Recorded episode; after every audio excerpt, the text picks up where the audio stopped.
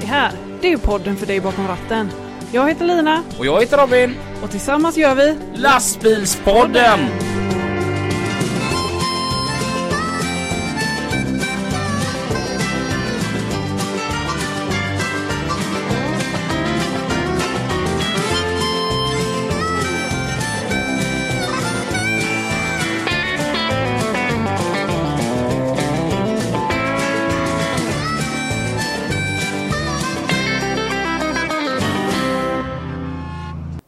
Startar detta nu då?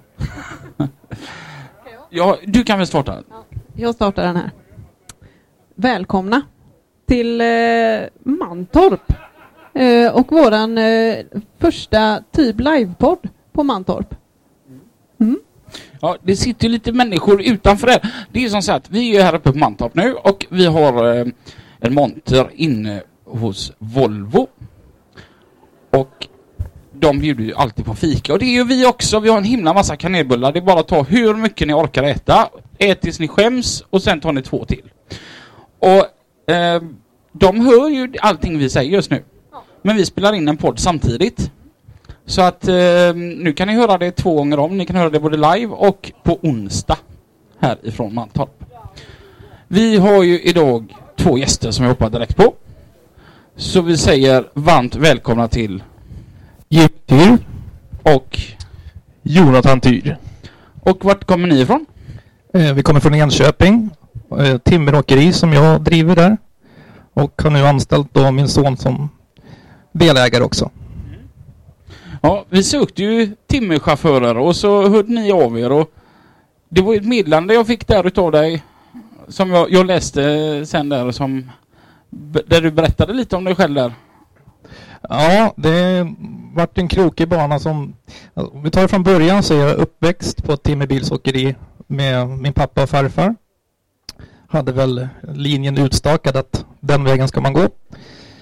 Så att jag gick transportgymnasiet i Uppsala och eh, började närma mig studenten så hände det som inte får hända då att helt plötsligt så dog pappa knall och fall en natt.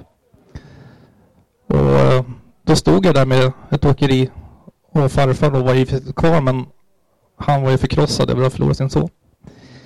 Så vad gör man då? Då, eh, jag tog över åkeriet, vart VD som 19-åring med tre bilar och anställda. Vi försökte minska ner åkeriet så det skulle passa mig lite bättre då. Och eh, behöll en bil själv och så började köra skog ihop med en av våra anställda då. Och sen eh, var det så att Mellanskog, Mälarskog hette det då, skulle ta bort en bil. Och eh, då tyckte vi det passade bra att jag växlade ner och började köra grusbil istället. Så från skogen då så gick jag till att bygga Mälarbanan, järnvägen som gick då Stockholm eller Mälardalen. Och eh, ja, monotonare jobb fick man leta efter. Vi hade en etablering där vi hade 450 lass från punkt A till B, fram och tillbaka bara. Så då vart man lite IQ-befriad. Så när den var klar så då tänkte jag fan jag måste hitta på någonting annat. Då uh, vart jag utlandsåkare. Köpte en dragbil och började köra eh, ERT, ASG, Speedcargo, alla de där löstrailer och container och så. Så Nordeuropa och mest Skandinavien körde jag på. Men eh, det var ju den vevan där det började gå ut för. Alltså det var svårt att få utlandstrafiken att gå ihop. Så att eh, jag körde väl något år och sen sålde jag den och så vart jag anställd på fjärrbil. Och eh, körde från kust till kust. Stockholm, Göteborg. Sen vilket som är fram och baksida kan vi diskutera. Men... Och sen eh, ja, hoppade runt med lite olika åkerier och provade väl på det mesta. Jag har varit eh, bärgare och jag har kört eh, flismaskin, flisbil och mycket fjärrbil. Men det har alltid varit skogen som jag kommer tillbaka till. Alltså, när jag har, den, den har någon slags dragningskraft. Så har jag haft ett annat jobb så på min lediga tid så har det blivit timmerbilen då. Så efter några år då så fick jag chansen här i, utanför Enköping igen av en av mina gamla kollegor. Att, fan ska du inte starta åkeri igen? Så bara, du är inte klok så. det har man gjort och vet hur hårt det var. Men sen började man fundera på det där och tänkte att nu finns chansen. Man, ska man orka dra igång det igen så då var det väl läge nu. Så för tre år sedan startade jag igen och nu står jag här och det är väl den korta historien. Och, och du har en medhjälpare eller? Precis. V vad är din roll i företaget? Ja, min roll är väl att företaget ska gå runt. Köra så mycket jag kan nu efter gymnasiet precis. Studera, student nu i vår. Så att, eh, ja det är väl lite som pappa säger att jag har väl hängt med från start jag också redan i bil, passagerarsäte. Eh, blivit ett litet glapp runt tonåren. Hängde inte med lika mycket. Men intresse har alltid varit där. Jag har alltid vetat att det är transport jag ska gå på gymnasiet. Och det, det är det jag har haft inriktning på. Och sen, eh, ja som man sa, att det är alltid skogen som har kommit tillbaka. Så att det har väl alltid varit mitt största intresse även där. Att det är i skogen man ska vara. Så nu har ni en bil då eller? Precis, en bil. Så, och så går den i skift då eller? Ja, jag har haft ett annat jobb nu under sommaren som semestervikarie så att nu nästa vecka börjar vi köra skift på riktigt då. Så varannan dag, varannan vecka natt då. Okej. Okay. Ja, hur, hur, ser en arbetsdag ut? Ja, eh, av de gånger jag kört i skogen så tyvärr Robin, man måste gå upp tidigt. det, man brukar starta någonstans mellan fyra och fem på morgonen. Uh. Så man är uppe vid tre då. Och förhoppningsvis har man last på, då åker man till en industri eller en såg och så ska man ut i skogen och hämta och så där vi bor har vi ganska förhållandevis långa håll till våra lossningsplatser. Vi snittar på ungefär 13 mil i enkel resa. Så får man bygga upp ett kontaktnät så att eh, när man kommer till den industrin så får man ringa sina kollegor och fråga om det finns något last åt något annat håll så man inte går tom tillbaks utan vi byter last med varandra även om vi är konkurrenter. Så det spelar inte så stor roll vad det vem som äger skogen utan man kör åt alla. Smart. Ja, det är bra och det är, det är miljövänligt och så. Mm. så det... Hur funkar det att köra i skogen? Alltså, det finns vägar ut, men det är inga bra vägar antar jag? Nej, det, det är väl en av svårigheterna vi har att man måste ju kunna läsa av en väg om den håller. Det är ofta gräsvägar och mm. traktorstigar och så. Sen eh, måste man ställa lite krav att de röjer sly och stubb och stenar så att grejerna håller och mm. gärna lacken sitter kvar. Och sen backar man ut hela vägen eller? Nej, man eh, försöker vända där inne. Ja. Och eh, det finns lite olika varianter på det hur man gör men annars backar man utifrån. Man vill ju inte backa med lass helst. Nej, för jag har alltid, alltså i mitt huvud så timmerchaufförer, det är väldigt skickliga chaufförer. Alltså duktiga på att köra, duktiga på att vända och stämmer det? Ja men det är väl som all, alltså alla chaufförer tycker jag har ju sina grejer de är bra på. Mm. Jag och Jonathan brukar säga det. Ge oss en stor plan och backa rakt så vet du fan om vi inte har krökt ihop grejerna alltså. Men in på en trång skogsväg då har man ju lite andra tricks och så. så att, ja. Men jag tycker alla har sina grejer att vara bra på. Ja. Det blir ju li, li, det blir lite som med dig Lina när du, när du ska parkera din personbil. Ja. Alltså att om det finns en plats kvar så är du jätteduktig på att välja den parkeringsplatsen. Men om vi åker till Coop i Bäckebol klockan åtta på morgonen när det inte finns någon bil där utan det finns 450 lediga parkeringsplatser. Då kommer hon behöva 10 minuter för att hitta en lämplig parkeringsplats att ställa sin bil på. Så du blir lite som en timmerbilschaufför då. Ja. Mm. ja, det skulle man kunna säga faktiskt. Det tar ett litet tag för mig att välja rätt parkeringsplats. Uh, och uh, när jag väl har parkerat så ångrar jag mig. Mm. Jag, jag, har hört en grej. Och nu vill jag få möjlighet då att om vi ska slå hål på den här myten eller att, om det verkligen är så här det går till. Jag har fått höra att om man är inne väldigt trångt med ett timmerekipage så kan man ta kranen och lyfta i vagnen och flytta på den. Det stämmer faktiskt. Det kan du göra. Det är inte optimalt och det är inget vi vill göra. Men i nöd, nödväg så går det. Kallas även för doping. Men då, ja, då var det ingen myt alltså? Nej, det går jättebra. Det går. Åh oh, fasiken. Men när man är där ute på skogar, myrar och allt vad det är. Det måste ju vara jättesvårt att se om det kommer bära. Ja, och tyvärr så har man ju fel ibland. Ja, för det, det, följdfrågan är att Hur ofta på en vecka går det åt skogen? Eller ja, det, där är ni ju redan men Ja, precis. hur ofta slutar det inte som ni har tänkt er? Ja, det, det beror lite på årstider. Så vi har ju, sommaren brukar ju gå bra. Och smällkalla vintern brukar gå bra när det är stenhårt i backen. Men våren och hösten kan ju vara ja, inte bra. Inte bärighetssynpunkt i varje fall. Det är ofta det slutar med lera upp till naveln. Jag har till och med hängt på underred en gång när det inte bär alls. Så att det, Hur funkar det när du ska ringa en bärgare? Och skicka ut han, eh, ger du han GPS-koordinater då? Ja, det är, det, så bärgare brukar man sällan behöva använda, men eh, vi brukar hjälpas åt istället. Hjälpa Ja. varandra. Men Ja. absolut, GPS-koordinaterna de funkar ju. Mm. Så, men annars så är det till att lossa det man har på och så ta hjälp av någon kompis då som kommer att dra. Ja. Men har ni även eh, skogsmaskinerna som har varit där och tagit ner skogen, de är ju inte kvar, eller? Ibland är de det. Om vi ligger tillräckligt nära dem så är de kvar och de är ju fantastiska hjälpmedel. Då, så Ja. de, om inte de drar loss då har man ju problem. Men annars är vi oftast att de har åkt därifrån när vi kommer. Ja. Och då får man ju hitta på något sätt att lösa det. Man måste ju vara lite tusenkonstnär sådär. Och man lägger granris och bygger små broar med pinnar och så som man Ja. tar sig fram liksom. Men sen har vi ju gånger när det inte går längre då. Och vi hade ju en ett eller två år sedan när vi var ute en vinter. Junior här satt på passagerarsätet och dum som han var så skulle vi över ett berg. Det regnade uppe på oss, blankis. Jag hade fulla sandspridare och tänkte att det går väl bra det här. Och det gjorde det ju.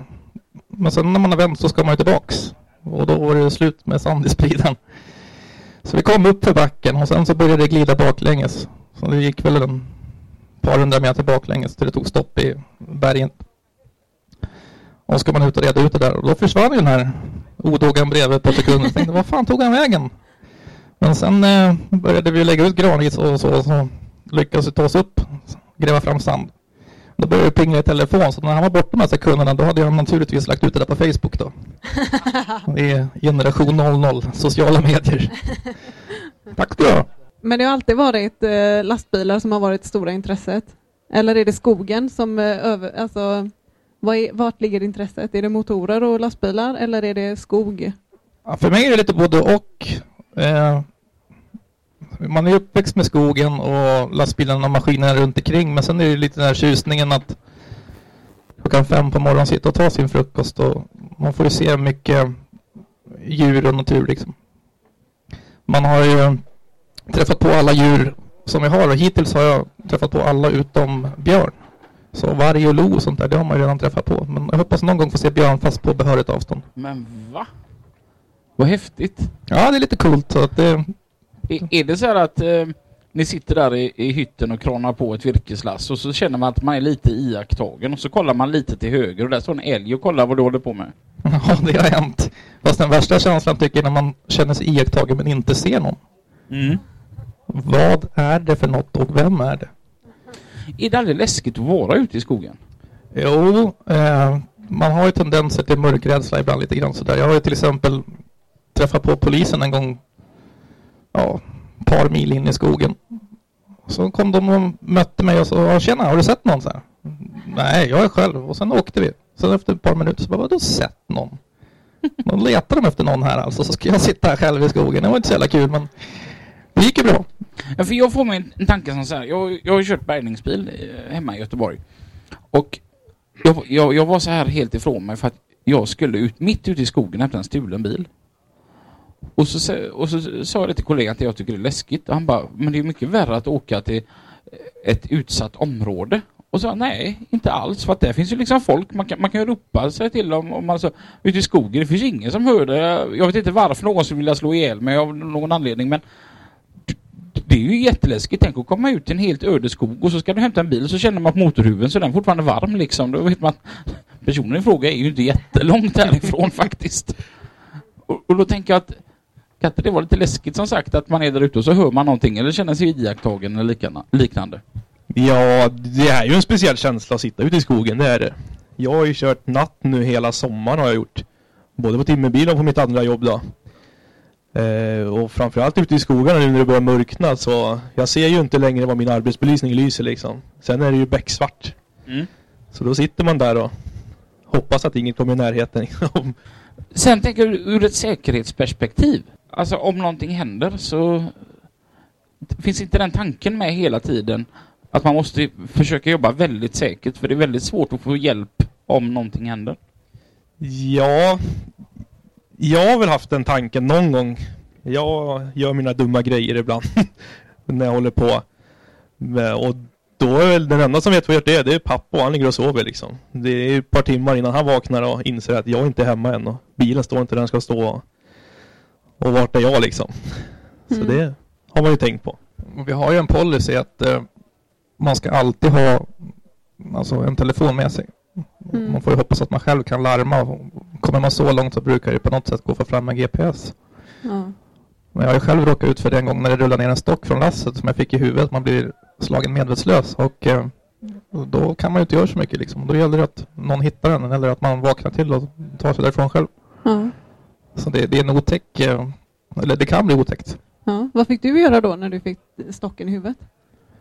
Ja, jag vaknade ju till och stod ute på mosse, så dum som man var så vill man ju inte vara någon till besvär. Så jag åkte hem och bytte bil och tog min personbil till akuten och sen fick jag jordens utskällning av den där kanske. Så får man inte göra. Så man, man är ju dum sådär som man inte tar det riktigt på allvar heller. Utan Ja. fan, det finns ambulans, ring dem då. Ja. Men eh, ja, som sagt, det är lite svårt för ambulansen att hitta kanske och ens ta sig fram. Jo, nu gick det ju bra men det hade lika bra kunnat bli att man blir medvetslös igen och så Ja. tuppar av bakom ratten liksom. Så att det, Ja. man måste ta det där på allvar med säkerhet. Mm. Men ni har en bil nu då som i åkeriet. Vad- Vad är det för en bil? En eh, MAN? Volvo FH ja. Ja. Ja, inte riktigt men Vad, hur, är det en sån här en, en boggiebil med fyraxlad vagn bakom då eller? Ja, en eh, treaxlad bil, tandemdriven och så fyraxlad vagn bakom ja. Mm. Och det funkar bra? Ja, jag är positivt överraskad. Jag tog ju fram eh, en spes som jag skickade till fyra olika märken och sen valde märke efter det. Det här är första egna MAN jag kör och den har gått väldigt bra i skogen. Mm. Det är som sagt tandemdrift och elektroniska styrbromsar och mycket hjälpmedel som gör att det funkar bra. Hur funkar det den här kranen där bak? Är det så här man går bak och sätter sig i en hytt och... Ja, vi har ju som sagt en kranbil då och, och eh, då är det en kran som den kallas för Z-kran. Som, den är ihopfälld. sitter en konstig liten hög där bak som man får veckla ut. Och så sätter man sin hytt då som är varm och skön. Det är värme, det är stolsvärme, det är stereo, fläkt och så. Så att man, man klarar sig jävligt bra där. Och så åker man upp en, eh, kommer inte ihåg hur långt det är, en meter drygt. Så att man ser ordentligt då. Och sen är det bara att lasta på. Jag har hört att det nya för timmerbilschaufförer är VR-glasögon. Ja, det utvecklas ett sådant system där man sitter på passagerarstolen och Ja. kör sin kran med VR. Ja. ja. Har du testat det? ja, jag har testat det men eh, det var lite svårt att finna avståndskänslan. Jag vet inte, har du provat det? Nej, jag har inte provat det men eh, jag är mycket skeptisk måste jag ändå säga. Jaha. Just för känslan och synens skull. Ja. Men ur ett säkerhetsperspektiv så borde det vara bättre eller? Ja, ja, både ja och nej. Du kan ju lasta långt också. Långa pinnar liksom. Ja. Och det skulle ju kunna hamna vid hytten lika väl som det hamnar på kranhytten. Ja. Skulle det ju kunna göra. Ja. Största problemet jag ser, det är väl det att om du sitter i bilen så märker du inte av samma sätt om du sk- skjuter en hydraulslang till exempel. Jo, precis, precis. Och sen eh, med syn och liksom känsla. Du, du får ju som en skärm framför dig istället för djup, djuphetskänslan liksom. Mm. Och omgivningen och... Så det missar du ju lite grann. Och kanske lite utav tjusningen också. Ja, och sen som du sa där med hydral, man känner ibland, känner man lukten av hydraulolja så är det någonting som inte har gått bra liksom. Så att det, man får väl eh, säkert vara lite uppmärksam på andra delar när man kör det där high vision som de kallar det. Men hur är det inne i en sån här kranhytt? Ser det ut som på en eh, grävmaskin om man säger med två joystickar, en på varje sida? Eller eh, hur funkar det? Ja, där finns det ju olika system. Nu på den här kranen då så har jag valt två spakar och två fotpedaler. Okej. Och så är det hydraulservo heter det så att det är, ja, hydraulik hjälper till att göra att spakarna går lätt. Sen kan du ju ha direktverkande och du kan ju ha elstyrning så att det, är en smaksak. Mm. Men vad- gör de pedalerna i golvet då? Ja, nu är det där, det sitter ju ryggmärgen. Vi höjer hela kranen på vänster fot ja, och så själva utskjutet då på höger fot. Okej. Om man aldrig har kört det så känns det konstigt. Ja, det finns två olika standard på det där.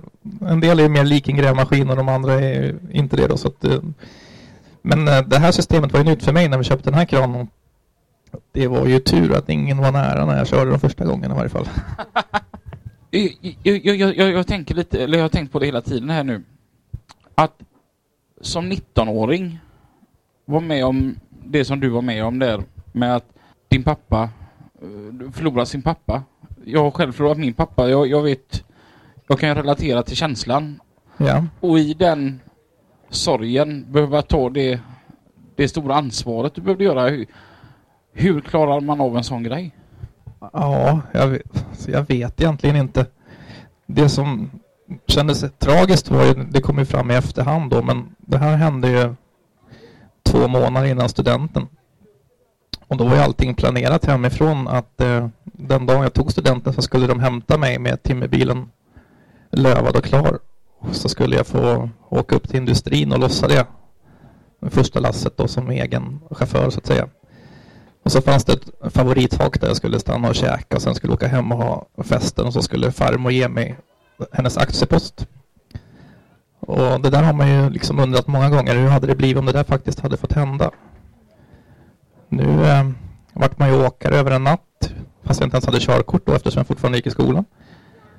Farmor satt och solade sig på Rhodos och vi försökte få tag på henne liksom och farfar var helt knäckt och naturligtvis pappas fru också. Så att eh, det vart ju ett väldigt kast där. Jag ringde skolan då och sa som det var och fick hjälp att få ut mitt körkort efter en uppkörning. Och eh, sen gick man nog som ett vakuum. Att, eh, det, det var tvunget att funka men man gjorde nog många beslut som kanske inte var de bästa men liksom det, man hade inget val. Ja, det, det, det, det är svårt att hitta rätt ord för Alltså det, det väldigt strångt utav det att som så ung klara av, klara av en sån grej. Ja, det... Tack för de orden så att säga. Det, jag såg nog inga alternativ utan man, man var ju redan med en fot inne i branschen så att det, det, det var liksom det var det som skulle göras. Sen, eh, ja, besluten som man tog då, det har ju påverkat. Jag har ju haft, det här är mitt tredje företag då, men det har inte varit de mest lönsamma alla gånger och sådär, så att visst har man gjort fel, men det är det som har format en till det man är idag också. Så att eh, man får vara glad att man har gjort det. Det är en resa som, ja, till den man är idag. Måste ju ändå vara fantastiskt ändå att i detta få med din egna son idag. Ja, absolut. Jag är, han är ju fjärde generationen nu då som hamnar i den här branschen. Och det, är, det känns jättekul. Och eh, många som känner igen pappa och farfar fortfarande, de gamla timmermätare och så, tycker att det är kul att det, det fylls på. Det är svårt att få tag på yngre folk i den här branschen och absolut. Sen är en sak som oroar mig lite grann, eller oroar, men jag har ju flera barn och eh, nu kommer jag hamna väldigt nära Jonathan här då. Och de andra barnen måste ju också känna att de betyder ju lika mycket fortfarande fast eh, vi inte jobbar ihop. Så man får ju liksom vara ödmjuk inför uppgiften där att skilja på Jonathan som delägare och Jonathan som min son. Och sen gentemot de andra barnen då. Att de fortfarande ska känna att de betyder lika mycket. Ja, det är klart. För det gör de ju självklart. Men eh, ja, det blir ett dilemma. Ja, absolut. Så att det, man får vara noga med att po- poängtera det för dem att de fortfarande betyder lika mycket. Sen kan det vara kul att höra vad du tycker om att jobba med sin farsa. Ja, det finns både för och nackdelar gör det väl såklart. Så är det väl med allt. Men eh, hittills har det väl nästan bara varit fördelar känner jag. Som ny ute i skogen. Det är ändå en tuff bransch. Just ja, men i skog, trånga utrymmen, vändningar, mycket kan gå fel. Så jag har gjort mina tabbar redan och då har det väl ändå varit skönt att ha just pappa som chef. Det är en liten, det är en liten annan relation, så blir det ju. Än vad man hade haft med en vanlig chef så att säga. Ja, alltså den största fördelen som jag ser att du kan ha med att jobba för sin pappa, det är att om någonting går åt skogen som kostar pengar, jag jobbar ju inte åt min pappa utan jag jobbar ju åt en, en fantastisk människa men vi har ingen relation på det viset.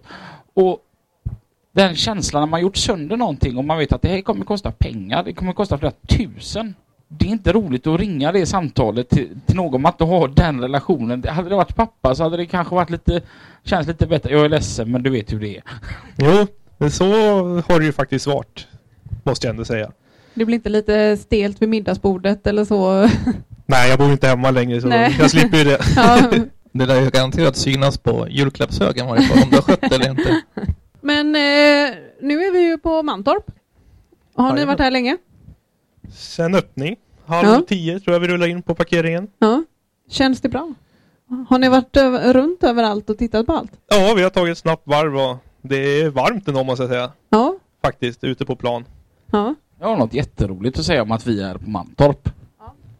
Det var att jag pratade med Linas chef förut. Över telefon. Eh, Jag känner Linas chef sedan innan. Och eh, då har han pratat med min chef. Och då ville han ha en förklaring. För han säger att du, jag pratar med, pratade precis med Peter Lundin och så får jag höra att du är ihop- uppe på Mantorp. Ja. Med Lina. Ja. Det är en ledighetsansökan jag inte har sett eller beviljat. Aj, aj. Ja, ja. Nu är jag här i alla fall. Och skoj ska vi ha. Va? Va, hur, hur känns det att vara här nere i Mantorp? Ja, det är fantastiska bilar att titta på. Vi är ju lite sådana, både jag och Jonathan, att vi gärna vill ju ha ordning och reda på bilen och snyggt. Så att vi hade väl en snabb plan att vi skulle ha varit med i utmanarklassen i år, men det får väl bli senare tillfälle. Men det är kul att se alla byggen och man får mycket idéer inför nästa bil och så. så att, ja, det är kul att vara här. Har ni hittat någon favorit än bland bilarna som står där ute? Ja, absolut. Vi är ju lite svaga för skogsbilar då, men Woodtrans bil, det är ju mästarklassen har ju gott hjärta till. Den är riktigt vacker. Ja, trots att det är en Scania. Ja, faktiskt. V- v- vad är det absolut bästa med att köra timmerbil? Trots att eh, branschen är som den är överhuvudtaget med alla våra kör och vilotider och så, så tycker jag fortfarande att det är en eh, stor frihet för att så som vi jobbar så har vi vårt distrikt. Där får jag ut var alla timmerhögar ligger och sen planerar jag min dag själv. Och likaså Jonathan då på hans skift att han kommer att styra sig själv. Att det gäller att få upp en så bra dag som möjligt och plocka returer som vi säger när vi tar lassa våra kollegor. Så att den friheten har vi fortfarande då. Att man rår sig själv liksom. Att det är ingen som säger åt dig vad du ska göra. Mm. Och, och, och vad tycker du är det bästa hittills? Ja, det måste väl ändå vara utmaningar ute i skogen tycker jag. Det, det händer mer än bara på en linjekörning lite grann. Att eh, jag måste tänka lite. Speciellt nu som ny. Jag kan inte bara rulla in och slå runt ett ekipage liksom. Utan jag måste verkligen stanna upp ibland och hur ser det ut liksom? Vad kan jag göra? Och vad kan jag inte göra? För att det ska bli så bra som möjligt. En tanke jag får när ni kommer ut där ute i skogen och så ska börja lasta. Speciellt då kanske våren eller hösten då när det inte är lika hårt i backen. Kan det inte bli att när ni står där tomma så ser det jättebra ut och så sedan ju längre tiden går och det börjar bli last på grejerna så sjunker bilen. Jo, och det behöver inte sjunka så väldigt mycket. I varje fall inte för vagnen som har så små hjul innan det blir väldigt svårt att komma igång. Så att eh, ja, man får ha med det i beräkningen och ibland får man gå ner och flytta sig några centimeter så man liksom får nya pottor att stå i så att säga. Så det, är, det är mycket sån planering för att komma igång. Och det är ju de där första kilometrarna. Sen är man ju ute på asfalt igen. Då är man ju som vilken långtradare som helst. Men eh, det, där har vi ett problem. Och sen eh, går vi mot vintern då när snön kommer. Och se vad vägen är. Det snökäppar brukar ju inte finnas och det är inte alltid plogat heller. Så att ibland kommer man upp på en skogsväg där det är halvmeter jämnstruket vitt täcke. Då är det spännande. Nu kanske jag får till svar att hur långt är ett snöre. Men om man bara tänker så här helt vanliga träd. Hur lång tid tar det att slänga på ett last då? Ja, man får väl...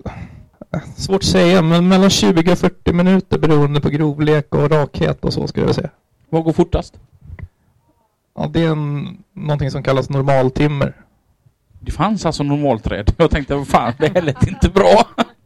Nej, men de är ungefär lika tjocka. De är väldigt raka och fina så, där, så det, då, då går det fort. Och sen, det beror helt på vem som har lagt traven också. Men de gängen vi kör efter är ganska duktiga på att trava, så då, då går det fort.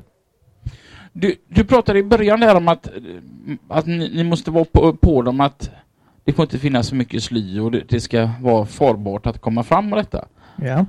Är det de som röjer skogen som gör det eller finns det speciella firmor som jobbar med att se till att det är farbart för timmerbilarna? Oftast är det ju så att det är någon bonde eller liknande som äger vägen in då dit där travarna ligger och då ska ju han se till att eh, ja, det ska vara farbart. Det finns ju regler för det där men det är inte alltid man följer dem till punkt och pricka. Finns det någon gång där man bara eh, stannar och känner nej, jag ger upp och så åker man? Ja, senast förra veckan. Det var väl en fri höjd på två och en halv meter kanske. Okej. Sen var det grova trädgrenar ovanför och då var det inte ens någon idé att prova. Nej. Men alltså, är, har vädret stor betydelse? Alltså om det ösregnar så alltså, kan man avbryta innan man ens har försökt. Händer det ofta? Ja, men, men vädret styr ju absolut. Den här väderappen med vår telefon kollar vi väldigt mycket på. Och eh, man blir ju lite så här amatörmeteorolog och går och tittar på molnen och så går det riktigt illa så blir man amatörpsykolog också. Så att nej, vädret påverkar mycket hur man lägger upp körningen, absolut. Är, är, är det så här, jag tänker så här gamla, det där gamla svenska bondetänket att och, när, du, när ni ska byta av att du säger det till din son att ja, det, det blir nog storm ikväll. Jaha, vadå då? Nej, jag såg tre stycken måsar, de flög åt höger och då brukar det bli storm. Eller i, idag så pissade räven på vänster sida utav trädet och då blir det alltid dåligt väder. Mycket så är det nog. Man har sina tju- tjuvtricks för sig, absolut. Som du gärna får dela med dig av nu. Det är nog svårt att sätta ord runt så här direkt men eh, det där med räven ska jag nog använda. Jag ska kolla vilken sida han pissar på nästa gång. Då, då vet du det att om du skulle se en räv pissa på östra sidan av trädet och det regnar, då kan du ha det som ett tecken sen. Ja, absolut. Du kan även kolla på stenarna runt om dig. Är de blöta så då är det regn. Ja, vi tar med oss det. Absolut. Är stenen borta så är det orkan. Då är det illa, då åker nog hem. Är det två stenar så är du full. Aj, fan avslöjad. Men vad är det jäkligaste med att köra timmerbilar? Ja, tjällossning säger han. Det får man väl hålla med om. Det är ju sån där dag man tror att allting går bra och allting börjar bra. Och sen står man där med ja, hydraulslangshaveri medan drivhjulen ligger en halv meter lera och man måste in under och skruva. Och sådana dagar så ligger ju Arbetsförmedlingen nära till hands alltså. Det är helt klart. Jag är ändå väldigt eh, begeistrad i det du säger att ni hjälps, hjälps åt konkurrenter emellan med att köra varandras gods. Ja. Det är lite som det som Tobbe Eng pratade om på, från Peab Asfalt att om all, alla aktörerna hjälps åt så blir det både klimatsmart och mest ekonomiskt för åkaren. Ja, jag hörde när vi pratade med honom och det är mycket samma i våran bransch här. Det är bara skapas ett kontaktnät och ringa runt så liksom pinnarna ska ju köras. Vems bil de ligger på spelar inte så stor roll egentligen. Men hur funkar det i timmerbranschen? Är det mycket lastbilscentraler eller vad är man ansluten till där? Ja, vi har jobbat så att vi är en grupp eh, där ett åkeri har tagit ett kontrakt på ett geografiskt område och sen har vi andra åkerier anslutit oss till dem då. Så att de har kontrakt på mer än vad de klarar av och sen lägger de in åkerier för att klara av årsmängden så att säga. Mm. Och det funkar bra? Ja, det funkar jättebra. Men det gäller att hitta folk man gillar att jobba med då så blir det lättare i varje fall. Men de här industrierna, jag tänker som ni kör tvåskift, är de öppna dygnet runt hela tiden? Ja, eh, många pappersbruk öppnar väl eh, måndag, alltså antingen från midnatt eller från sex på morgonen och sen är det öppet till åtminstone natten mellan fredagen och lördagen. Och så däremellan är det ju fritt fram. Sågarna, när de lossar så då har de personal där till ja, 10-11 på kvällen. Men där kan vi ibland ha tillstånd att lossa själva med kran då, så då går det att köra dygnet runt där också. Där styrs ju mycket av vilka flöden som behövs och vad industrierna vill ha för något också. Ja, det har jag tänkt på. För när ni kommer till industrierna så är det en sån här stor hjullastare med en sån Herre Jesus-grip som lossar det, va? Jajamän. Hur lång tid tar det för han att lossa er? Ja, ibland kommer de som mest är det tre stycken på en gång så de pratar väl om 45 sekunder. Det går ju fort satan. Ja, då är man bra liten på jorden. Då är det bara att hålla i sig. Men då måste det vara fullt av bark sen på, över hela bilen. Ja, absolut. Man försöker ju... Ja, bilen är byggd för att vara så slät som möjligt så den ska vara lätt att sopa av. Och vagnen ska så mycket hålrum i som möjligt så det ska ramla av redan när man lastar. Men absolut, det ligger mycket kvar. För jag, jag har tänkt på det. Grusbilar innan de kör ut ifrån grustäkten, de brukar oftast vattna sina lass. Men brukar ni blåsa av när ni har lossat då eller? Ja, de flesta industrier har ju tryckluft som man blåser av rederna med då. Eller så får man sopa. Hur bandar ni timret? Eh, det finns olika där också, men vi kör med kätting. Rakt av. Bil och släp. Så då står ni där nere på ena sidan och så hystar ni kättingen över till andra sidan? Vi dopar oss lite använder kran faktiskt. Tar gripen och... Ja, vad klart vad dum jag är ibland. Jag tänkte det, jag axelskador du måste ha? Ja, ibland blir det ju så. Om man har tappat och gjort bort sig eller om den har hakat ur så. Då är det bara att gå ner och får du kasta. Ja, det, det måste pröva på. Bara göra. Vad gör man med allt trä? Vad blir det av, eh, av alla trä ni kör? Ja, det blir väl allt vad trä innebär egentligen. Det blir papper, plank, bränsle till värmeverk och dasspapper och ja, allt egentligen. Ja, så sitter du i din villa i förorten så, så kan du tänka på att eh, troligtvis är fasaden eller delar av huset byggt av trä. Ja. Tidningen du läser kommer från träd. Det du torkar i rumpan med kommer från träd. Mm. Varmvattnet är uppvärmt av energi från träd och elen kommer från också när man eldar skogsmaterial. Mm. Och sen tankar i bilen där är också restprodukter från skogen så att det, vi finns ju med lite överallt nu för tiden. Det måste kännas ganska mäktigt ändå. Att man gör liksom världen, eller Sverige åtminstone, en, en tjänst. Ja, fast det, det är lite svårt idag tycker jag. Absolut, det är en bra känsla så, men sen är det här med miljötänket och så att många Ja. tittar ju alltid snett på en lastbil och det är ju en riktig utsläppsbomb då, liksom, så att det, Mm. man får vara lite stolt över det man gör i smyg nästan. Ja. Har du gjort något särskilt när du byggde ihop bilen eh, med tanke på miljön? Ja, mm, jo absolut. Man, man tar, det är ju som sagt Euro 6 motor med driver på alla. Och sen har man ju vindriktat paket för att försöka hålla ner luftmotståndet och sen har jag ett system på vagnen som gör att det är konstant. Det är ett och samma lufttryck i alla hjul. Den pumpar hela tiden. Så att så fort det Mhm. pyser ut lite så pumpar den upp då så att det ska rulla så lätt som möjligt. Mm. Men i skogen så är det väl bättre att ha lite paffa hjul för att få bättre fäste? Ja, drivdäcken kör man med lite lägre tryck i men vagnen Ja. har ett system som håller ett och samma. Men Ja, okej. Vintertid så har man lite andra däck då som på tandemdriften då som gör att eh, man tar sig fram rätt bra ändå. Så att vi håller inte på med det och tappar i ur lufttryck ur drivdäcken utan man kör med ett och samma då. Ja. Du, du pratade om pappersbruk förut. Ja. Är ni där och lossar? Ja, Det, måste, det, det luktar inte gott. Nej, det är därför fåglarna flyger på rygg över Gävle säger man. Nej, men det, det har blivit mycket bättre faktiskt.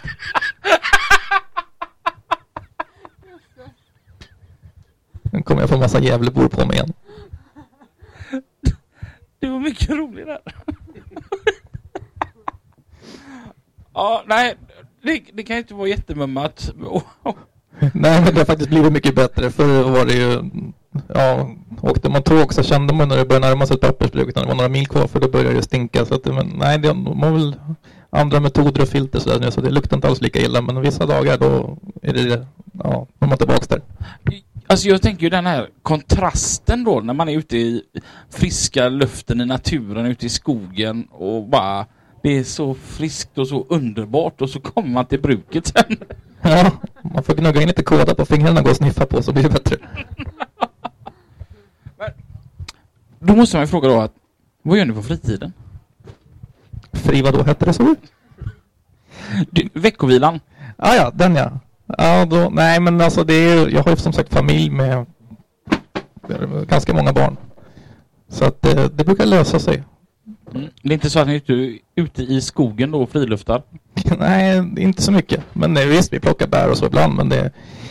Nej, vi har väl varit en idrottsfamilj så att eh, han, han spelar ju rugby på rätt hög nivå. Den har man ju varit med på sedan han var liten och andra barn också då med deras idrotts ja, vad de nu väljer att göra. Det har varit fotboll och det är innebandy och det var dans. Och, så att det, det brukar gå åt ändå. Sen i och med att man jobbar så pass mycket man gör och man driver företaget med bokföring och så, så en kväll i soffa med en kall och en tv-program, det är ju inte dumt alltså. Nej. Vad, jag, jag kommer att tänka på det också med, med arbetsplats som är mitt ute i skogen då va? Ni har ju inte aldrig den här närheten till snabbmatsrestauranger och um, tankstationer, kaffeställen, fika. Ni, ni har inte den närheten på samma vis. Nej. Nej, och då har ni inte heller närheten till andra faciliteter så att det kanske inte bara är björnar som skiter i skogen. Nej, det har ju hänt. Och då har jag en ruskigt rolig idé, äh, rolig historia. Jag tänker inte säga vad han heter. Men han fick ett... En kompis till mig fick jättebråttom. Han var jättenödig.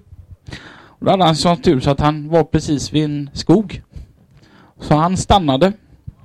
Men så hade, i all paniken så springer han bara rätt in i skogen och bara springer och springer och springer och springer. Och till slut så stannar han. Den här stammen ser bra ut.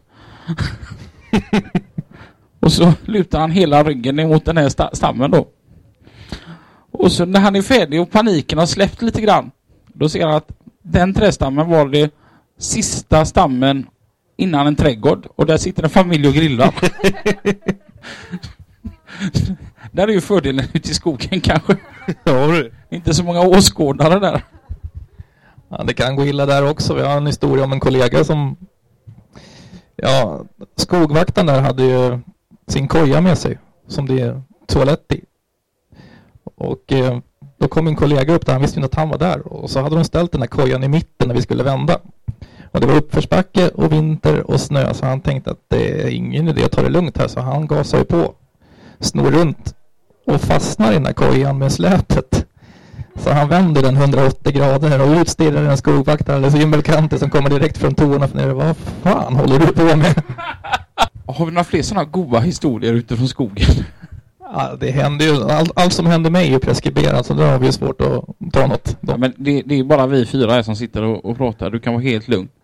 Ja, precis. Jag delade med mig av den där när jag åkte baklänges. Den, men eh, visst händer det grejer, absolut. Det, vi har ju visserligen inte i skogen, men man har väl gjort någon felkörning någon gång till exempel. När jag körde utrikes så satt jag och drog mycket åt Spendrups till Kristiansand i Sydnorge. Mm.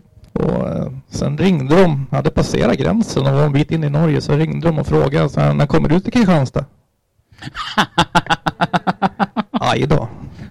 Det var lite fel. Jag har också varit med om en sån här grej en gång. Jag stod och sov på Lisas krog i Hova. Och så vaknade jag på morgonen. Och så svängde jag höger ut på E20 mot Göteborg.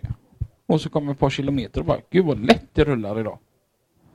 Ja, ah, just det ja. Jag har ju inte lastat. Jag skulle ju till Gävle. Den är jobbig.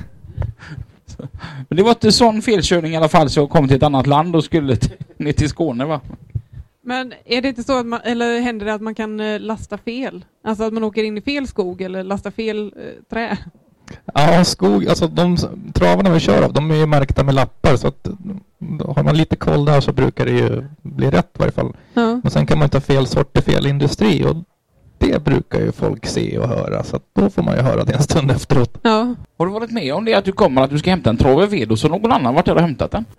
Ja, ja. det händer att eh, folk skär till exempel för att elda hemma. Nej. Jo, då. Men måste inte ved typ torka innan du kan elda med det? Jo, men gratis är väl gott. Så att, eh, jag vet inte om de tar hem det och torkar det, men det man ser ibland, ja, ibland, det är väldigt sällsynt, men det är sågspån så har de stått med släpkärra och kapat och tagit hem. Och det är ju stöld egentligen. Ja, ja, det finns polisanmälningar mot sånt, så att absolut. Ja, så till alla er som hör detta. Stjäl inte timmer längs vägen. Nej. Vad, vad säger du till den som går runt och funderar på vad han vill utvecklas och börja köra timmerbil? Ja, vi behöver ju absolut bli fler, så att är man intresserad så prova. Det går, alltså, skiter det sig så går det alltid någonting annat. Men eh, jag tycker det är en härlig bransch att köra. Jag har ju som sagt provat ganska många och det är en frihet om man gillar naturen och sådär. Så att, sen får man ju var beredd på att det är lite utmaningar, men det är det ju i alla branscher. Så att det är inga konstigheter så. Mm. Vi, eh, vi får väl fortsätta gå runt och titta lite på Mantorp. Och ni ska få se era branschutställare också. Jamen, Och tusen tack för att ni tog er tid att komma in här en sväng och prata lite med oss. tack själva. Tack så mycket. Ha det så bra och tills nästa vecka. Kör försiktigt. Hej då! Hej då!